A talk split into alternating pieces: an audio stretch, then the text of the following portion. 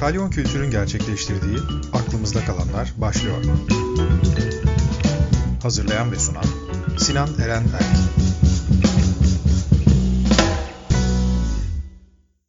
Herkese merhaba. Aklımızda Kalanların yeni bölümüne hoş geldiniz. Bugün konuğumuz sanatçı Burçak Bingöl. Burçak nasılsın? Merhaba Sinan, çok iyiyim. Sen nasılsın? Ben de iyiyim. Bugün birazcık seni tanımaya ve e, özellikle son dönem yaptığın çalışmalar üzerine bilgi sahibi olmaya çalışacağız. Öncelikle bütün dinleyicilerimiz için seni tanımayanlar olabilir. E, onlar için birazcık nasıl sanatla bir araya geldin şu anda, nasıl bir yol izliyorsun, neler yapıyorsun biraz anlatırsan çok güzel olur. Öncelikle Sinan çok teşekkürler beni davet ettiğin için programa. Ee, benim için de çok keyifli oluyor böyle sanatçı dostlarla, sanat insanlarıyla sohbetler etmek. Ben yani işte son 10 yıldır İstanbul'da olmak üzere e, uzun zamandır aslında sanatla ilgileniyorum. E, bir yandan işte sanatla, yani görsel sanatlar alanında işte çalışıyorum ve çok yakın zamanda fark ettiğim şekilde 20 yıldır da aralıksız aslında üretiyorum. Sanatın bir kere Ankara'da Ankara'da okudum. E, seramik bölümünde güzel sanatlarda seramik mezunuyum ve doktora düzeyinde bir eğitimim var orada. Hatta bir sürede e, araştırma görevlisi olarak yani akademik e, çalıştığım bir dönem dönem de var. Sonrasında İstanbul'a geldiğimde e, sanat galerisinde bir direktör, sanat direktörü olarak çalıştım bir süre Zilberman Galeri'de. Ama son 3-4 yıldır tam zamanlı sanatçı olarak çalışıyorum. Çeşitli malzemeler kullanıyorum. Seramik tabii okuduğum için seramik malzemeyi kullanıyorum ve daha çok da seramik malzemenin aslında ya bu konu benim de zihnimi çok meşgul ediyor çünkü seramik şey bir malzeme hakikaten böyle çok hem çok fazla çağrışımı var hem de çok böyle hızlıca tanımlanabilir görünmekle birlikte bence oldukça zor. Yani içine girdikçe kendini çok çeken. Özetlemek gerekirse biraz seramik malzemenin aslında çağrışımlarıyla e, daha kültürel bir araştırma alanı olarak seramiği ele alıyorum diyeyim. Ya da en azından son dönemde özellikle İstanbul'a taşındıktan sonraki süreçte buraya doğru evrildi ve bu kanalda e, derinleşti. Yani sonuçta geleneksel olarak değil ama çağdaş sanatlar alanında bu malzemeyle ilgili bir eğitim almış olmama rağmen şu anda üzerine çalışıyorum çalıştığım mesela kitap 16. yüzyıldaki bir Çin'i panelin Topkapı Sarayı'nda hali hazırda e, sabit duvarda olan bir Çin'i panelin e, araştırması ile ilgili bir sanatçı kitabı. Dolayısıyla tüm bu kültürel araştırma diyeyim ya da e, kültürel antropoloji e, işte yabancılaşma temasıyla başlayan şey hikaye benim kişisel sandığım hikaye biraz daha toplumsal bir yere evrildi ve bir şekilde kendimi o konuların içinde o şeyleri deşifre ederken sanki neredeyse buldum. Tüm o imgeyi, malzemeyi, tekniği vesaire. Uzun bir tanım, tanıtım oldu belki ama kısacası şey, çeşitli malzemeler kullanıyorum ama seramikte kullandığım, ilgilendiğim, araştırdığım en önemli malzeme sanırım. Hacettepe'de seramik üzerine eğitim aldıktan sonra hatta doktorun da orada yaptıktan sonra Amerika'ya gidiyorsun ve orada fotoğraf okuyorsun. Aslında şimdi seramikle ilgili biraz önce söylediğin geleneksel ve çağdaşı bir arada tutan o yapı senin hayatında zaten pratik olarak yaptığın şeylerden bir tanesi. Bu fotoğraf eğitimde biraz bana bunu gösteriyor.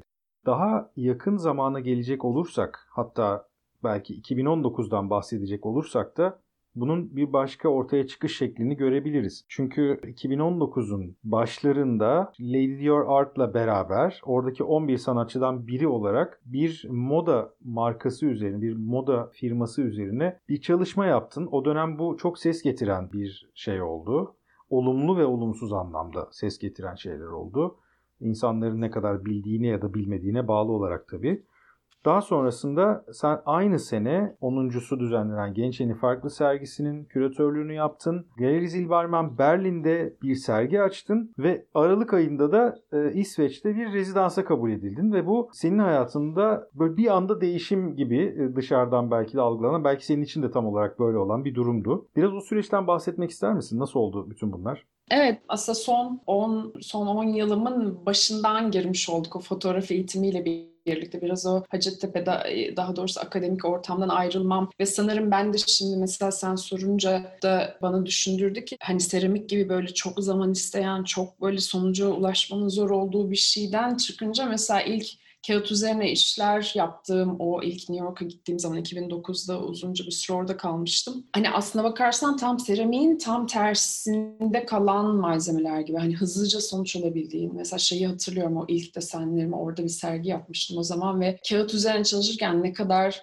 kağıt malzemenin böyle şey olduğunu, yakın işte senin istediğin gibi şekillenen hani biraz o fotoğraf eğitimi de sanırım şeyden geldi o hızlı sonuç alabildiğin hani fotoğrafı böyle anında gördüğün ve görüp makineyle çekip ve hemen sonuca ulaştığın o sanırım seramiğin yavaşlığından sonra o hız ve bir şekilde o imgeyi de sürece dahil etmek biraz öyle başladı ve hani sonrasında da işte İstanbul'a taşınma gündeme geldi ve tabii ki o kısımlar biraz daha geleneksel yani malzemenin aslında geleneksel olarak ne dediği ya da bu şehirde İstanbul gibi böyle kat kat kat kat şekillenmiş böyle üst üste binmiş medeniyetlerin olduğu bir kentte hani seramik ne demek ya da yani hem aslında kenti anlarken biraz böyle aslında elimde o bildiğim malzemenin ve aslında biraz da beni zorlayan, istemediğim, hani beni yoran malzemenin aslında bu kentle böyle ne kadar iyi örtüştüğünü ve bu kenti böyle anlamak için ne kadar doğru bir metafor olduğunu fark ettiğim bir süreç oldu. Hani özellikle 2017'de yaptığım Mitos ve Ütopya sergisi aslında tam şeydi. Seramiğin tanımının kendisine bakmak. Hani son derece geleneksel konuları böyle deşmekti. Sonrasında da o sergisinin söz ettiğin işte 2019'da Interrupt The Halfway Through Berlin'deki sergiye biraz bağlandı gibi oldu. Yani tüm o hani paramparça şeyi, hani bunu seramiğin ben kırılganlığı üzerinden ele alıyorum. Tüm o parçalılık hali. Yani benim tabii bunların bir kere şeyi söylemek lazım. Hep ben de unutuyorum ama en beni ilgilendiren ve en fazla hani araştırma alanıma giren şey bu geçmiş fikri, geçmişin çok parçalılığı ve bir türlü böyle ele avuca gelmeyen bir tarihimizin olması yani hani o sonuçta bir bu kenti anlamaya çalışırken aslında biraz da böyle iyice dağılıyor sanki iyice içinde kayboluyor hakikaten enteresan bir şey özellikle de Ankara'da büyümüş birisi olarak tabii e, bambaşka anlamları vardı benim için. Ve evet Berlin'deki sergi sırasında o 2019'da o sergi oldu. O serginin bir uzantısı aslında mekansal bir şey olarak tesir etme hali olarak İstanbul'daki proje alanında işte orada mesela fotoğraf kullandığım işte duvar kağıdı olarak o tarafa geldi vesaire ve sonrasında Gençlerin Farklı 10 e, devam etmek gerekti bir kürasyon derken böyle çılgın bir yıldı ve Dior'la yaptığım o işbirliği ve de yılın sonunda hakikaten bu İsveç'teki IASPIS programından gelen davetle işte 4 ay oradaydım ve oraya gittiğimde anladım böyle ne kadar aslında yoğun hani sadece sadece 2019'un değil ama son 10 yılın neredeyse. Yani benim için şey gibi oldu. Hani tüm İstanbul'a gelmem, taşınmam ve böyle aralıksız üretip ve biraz da sanırım ben şeyim üreterek bir şey yaparak anlama. O yüzden yapma eylemi benim için çok önemli. Yani yaparak düşünme, e, çözümleme, kafanda çözümleme hali. Hani oraya gidip bir durma fırsatı olunca ve hani kuzeyde son derece farklı bir çevrede durma fırsatı olunca da şeyi fark ettim. Ne yapıyordum ben bunca zamandır diye hani sanki hani hep koşuyormuşum da oraya gidince durmuşum gibi bir duygu oldu açıkçası. Ve bu arada hani tabii şeyi de söylemeliyim. Burası araştırma odaklı bir e, sanatçı programı ve şey değil. Hani bir atölyem var ama böyle ürettiğim bir yer değil. Daha çok böyle düşündüğüm ki zaten orası için aslında bu söz ettiğim, daha önce söz ettiğim e, Çinli panelle ilgili araştırmalarımı oraya bırakmıştım. Çünkü bir seramik atölyesi ya da malzemeyi kullanabileceğim bir atölye olmadığı için hani daha e, ok, okuyup hani not alabileceğim, yazabileceğim bir yer olsun diye. Fakat ilginç bir şekilde de oraya gidince böyle hiçbir şey yapamadım. Yani tabii ki çalışmaya devam ettim ama istediğim verimi alamadım. Tam tersine hani yeni bir iş üretmektense diyorum ya böyle koşup koşup gelip bir yerde durma hissi oldu. E, ve ya ben ne yapıyordum bunca zamandır diyerek biraz o kendi geçmişimi şey yapmaya başladım. İrdelemeye diyeyim böyle didiklemeye. Ve böyle böyle bir arşiv üzerine çalışmaya karar verdim. Çünkü fark ettim ki aslında biz yani böyle sanatçılar olarak hep sanırım şey aklımızda hep böyle hayal ettiklerimiz ve hep böyle ileride yapacaklarımız olduğundan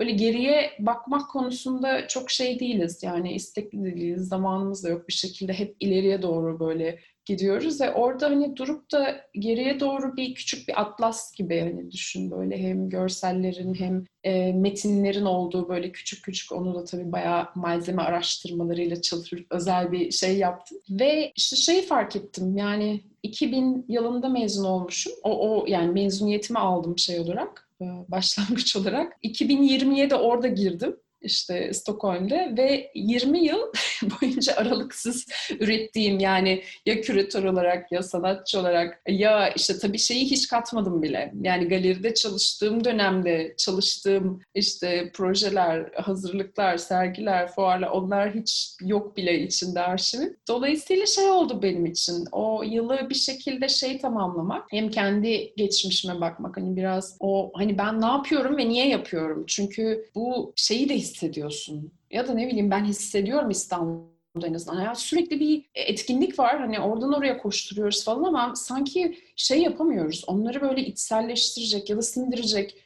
vaktimiz yok. Ya yani üzerine konuşacak vaktimiz yok. Hani ben sanatçı olarak açıkçası şey hissediyorum. Sürekli bir şeyler açıyorum mesela. Hani sergi açılıyor. Bir şey yapıyorsun, bir şey koyuyorsun ortaya ama böyle sanki bir sessizlik oluyor arkasından. Böyle geriye fazla bir şey duymuyorsun gibi. Ve o da e, bir tuhaf bir şey yaratıyor insanda gerilim yaratıyor. Yani ona çünkü hani şey zor bir süreç. Böyle bir atölyede yalnız başına böyle bir şeye hazırlanmak ve sonra onu sunduktan sonra şey bir ihtiyacı oluyor sanatçının yani bir şey duymaya, onu çözümlemeye, birlikte çözümlemeye. Yani o işte paylaşıma açıldıktan sonra biraz daha sindirme sürecine ihtiyacı var. Sanırım ben o arşivle azıcık onu kendi kendime yapma e, yoluna gittim. Aslına bakarsan yurt dışına giden burada rezidans programlarına katılan sanatçılardan benzer şeyleri duymak çok da zor olmuyor son zamanlarda. Çünkü İstanbul'da senin de söylediğin gibi çok hızlı akan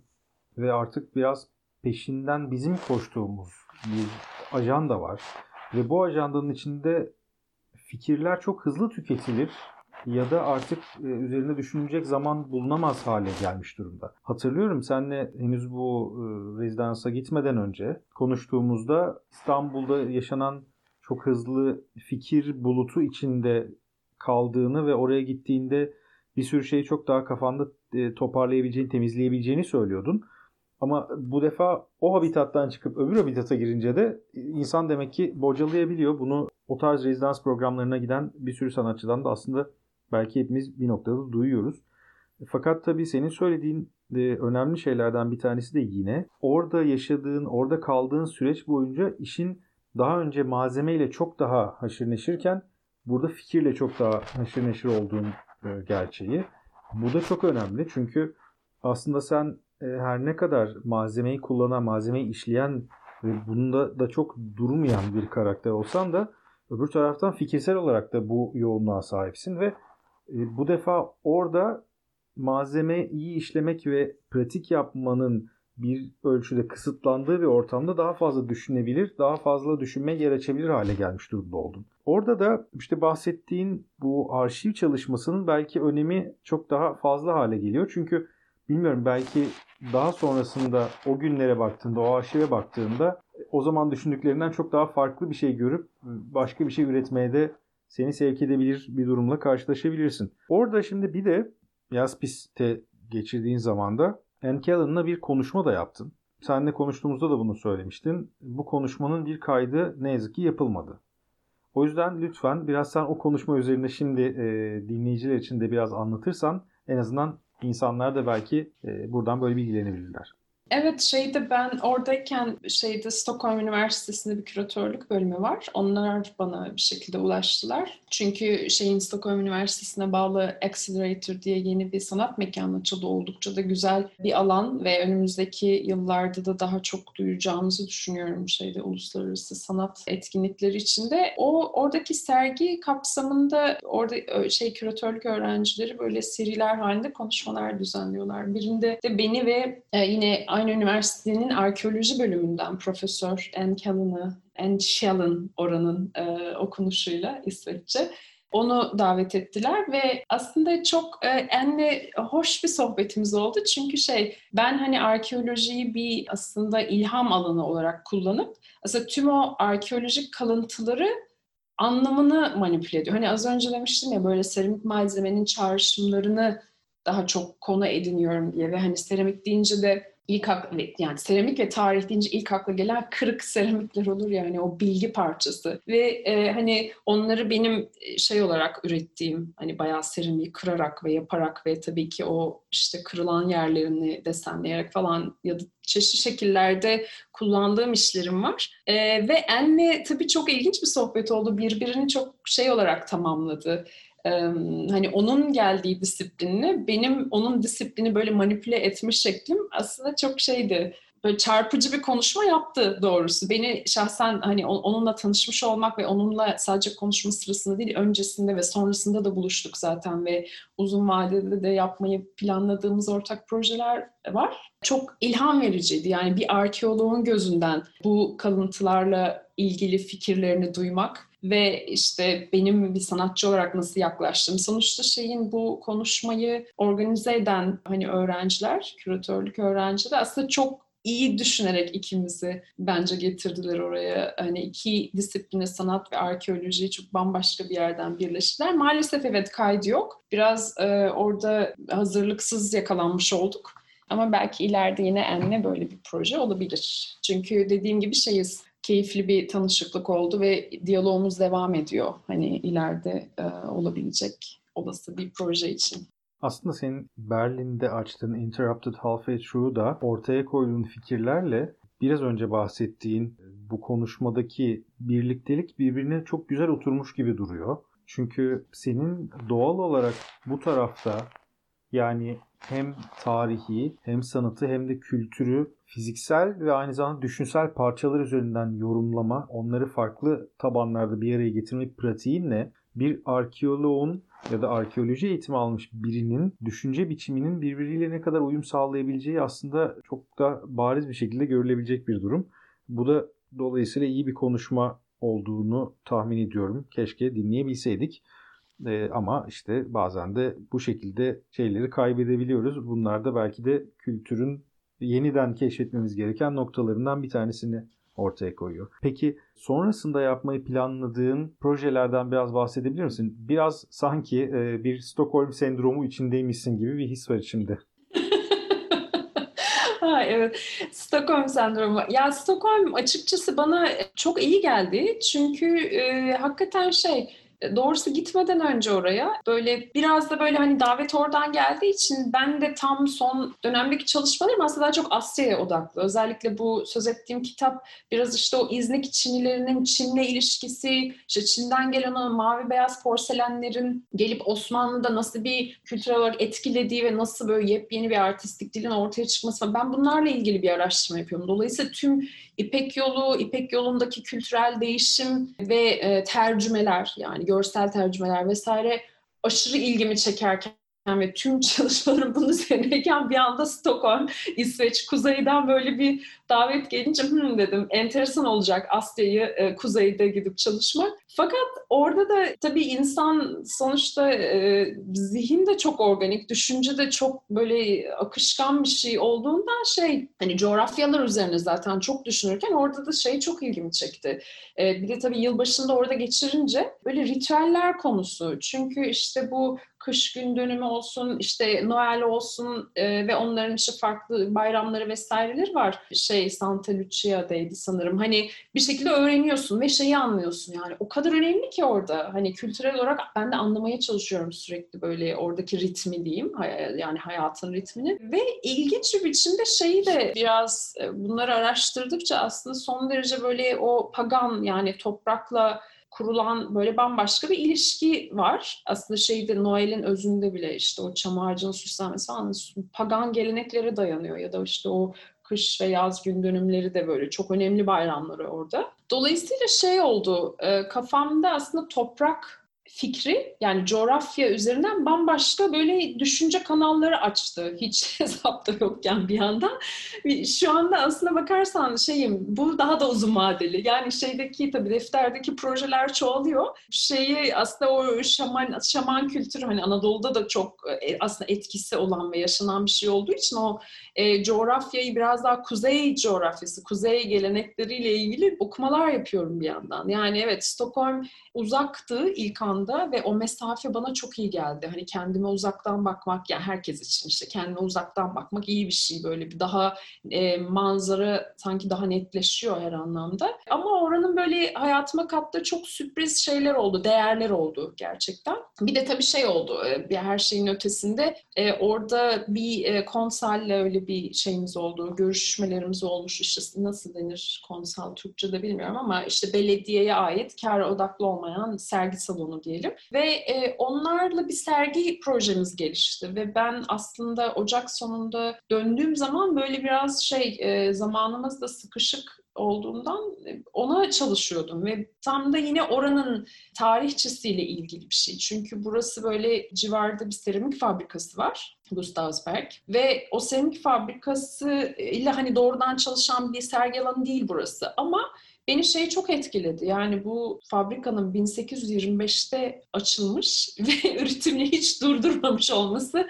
Hani Türkiye gibi böyle her şeyin bir 10 yılda bir yeniden yıkıldığı, yeniden yapıldığı bir ülkeden gidince böyle aklın almıyor yani. Nasıl yani? Şimdi neredeyse 200 yıldır burada bir işletme var ve e, üretime devam mı ediyor falan. Hani beni işte o interrupted halfway through yani hani sürekli o interrupt, interrupt böyle kesinti kesinti den çıkıp da böyle hiçbir şeyin kesintiye uğramadığı bir kültürün içine girince böyle hakikaten taş üstüne taş koymanın ne olduğu, hayatın son derece iyi düzenlendiği bir sistemin içinden bakınca beni çok e, sarstı diyeyim yani Türkiye'den birisi olarak. Dolayısıyla aslında tüm projeyi de onun üzerine kurdum. Yani inşa etmenin kendisi, işte bakım onarım, sürdürme vesaire ve yani ironik olarak aslında şeyle ilgili benim o sergiye e, böyle seçtiğim konu aslında biraz burada hissettiğim o yoksunluk duygusu diyeyim. Yani o sürekliliğin olamaması işte şimdi bambaşka bir şeyin içindeyiz ya hani yine binalar yıkılıyor, hafızalar gidiyor, yeni bir şeyler oluyor falan. Hakikaten kötü bir ezber gibi. Her neyse yani İsveç'ten aslında hiç ummadığım şekilde bambaşka alanlardan beslenerek döndüm. Ama tabii sonrasında işte hepimizin bildiği gibi şey Covid nedeniyle evlerimizdeyiz. Ama bir yandan da şey oldu tabii benim için. Yani İsveç'te de aşağı yukarı böyle çok şey küçük bir hayat yaşıyordum. Daha çok kafamın içinde bir şeylerin döndüğü hani atölye evim arasında gittiğim, geldiğim ve çok da hani hoşuma giden bir şey e, içselleştirme dönemiydi. Şimdi o Covid'le de birleşince çok güzel oldu. Tüm yılı böyle düşünerek, çizerek, yazarak vesaire geçirmek. Ama evet şey Stockholm sendromu e, benim için e, yepyeni tanımları var. Belki oturup yazmalıyım. Kendi Stockholm sendromumu. Elbette. O zaman da konuştuğumuzda hep aynı şeyi söylüyordum. Sen gitmeden önce konuştuğumuzda da yazı odaklı bir şeyler yapmanın sana hep iyi geleceğini düşünüyordum. Çünkü o dönem işte konuştuğumuz konular da aslında biraz o tarafa evrilmiş durumdaydı ve daha önceden de bir yazma pratiğin olduğunu bildiğim için bunun senin gözünden nasıl aktarılacağını hala da merak ediyorum açıkçası. Çünkü orada yaşadığın deneyimi bir insanın oraya gidip yaşamadan anlaması nasıl mümkün olmayacaksa sen yazdığında da ancak bir kısmını anlayabileceğiz ama ne olursa olsun bu bizim belki kendi hafızamızda başka bir şey oluşturacak ve bu da bir, bir tür kültürel katkı oluşturacak doğal olarak. Ve bunu da merak ediyorum. Belki bu Covid sürecinin durağanlığını da e, yaptığın araştırmalar üzerine bütün bu süreci daha iyi bir dokümantasyon, daha sağlam bir dokümantasyon olarak yazıyla da birleştirerek devam ettirebilirsin. Ben bunu açıkçası okumayı çok isterdim böyle bir şeyi. Bütün bu yaptığın şeyleri bir araya getirerek e, çok daha kapsamlı bir arşiv fikri ortaya çıkabilir. Bilmiyorum çünkü bu yaptığın arşivin üzerine de belki katılacak bir şey gibi görülebilir. Aslında şey gerçekten iyi fikir. Belki oturup yazmak. Çünkü insan ya da ben böyle kendi kendime bunları deneyim ederken tabii bu arada tabii ki sürekli bir şey yazıyorum. Ama şey değil. Hadi şimdi şu yazıyı şuraya hazırlayayım şeklinde değil ama yazmak ya da böyle deneyimlerimi, hislerimi, e, düşüncelerimi böyle bir yere aktarmak benim için zaten şey bir şey e, karşı koyamadığım yani işte zaten düzenli günlük tutuyorum bir kere onun dışında başka belli fikirleri biriktirdiğim defterlerim var. Bunun yanında işte notlar yani geçen gün mesela aktif olarak kullandığım defterler tesadüfen üst üste gelmişti. Hani altı ayrı defter tutuyorum altı ayrı iş için diyeyim. E, dolayısıyla şey bir yandan da bunları yaparken tabii şey düşünüyorsun ya da ben öyle düşünüyorum. Hani canım kime ne benim şeylerimi deneyim, kimin umurunda olur ki gibi bir duygu olduğu için hiç bunları oturup da böyle şey olarak bir araya getirip bir, bir başka kişinin de okuyacağını düşünerek bir araya getirmeyi düşünmemiştim ama şimdi tabii senin söylediklerin beni de motive ediyor. İnsan tabii şey oluyor. Aa birilerinin ilgisini çekiyorsa üzerine çalışabilirim. Biraz gibi bir motivasyon yaratıyor hakikaten. Dediğim gibi ben bu tarz bir şeyin sadece benim için değil bir sürü insan için enteresan olabileceğini düşünüyorum. Böylelikle aklımızda kalanların da bir bölümünün de sonuna gelmiş oluyoruz yine. Katıldığın için çok teşekkürler Burçak. Bu süreci özellikle bizden uzak olan bir süreci bize yakınlaştırarak anlattığın için ve bütün bu e, deneyimi bizle paylaştığın için. Sinan asıl ben çok teşekkür ederim beni davet ettiğin için. Hakikaten benim için çok özel bir süreçti o ve hani paylaşmak bu bu şeyi daha da anlamlı kılıyor. Gerçekten teşekkür ederim. Çok keyifli bir yayın oldu benim için de. Sağ ol. Gelecek hafta yeniden yeni bir konukla buluşmak dileğiyle herkese hoşçakalın.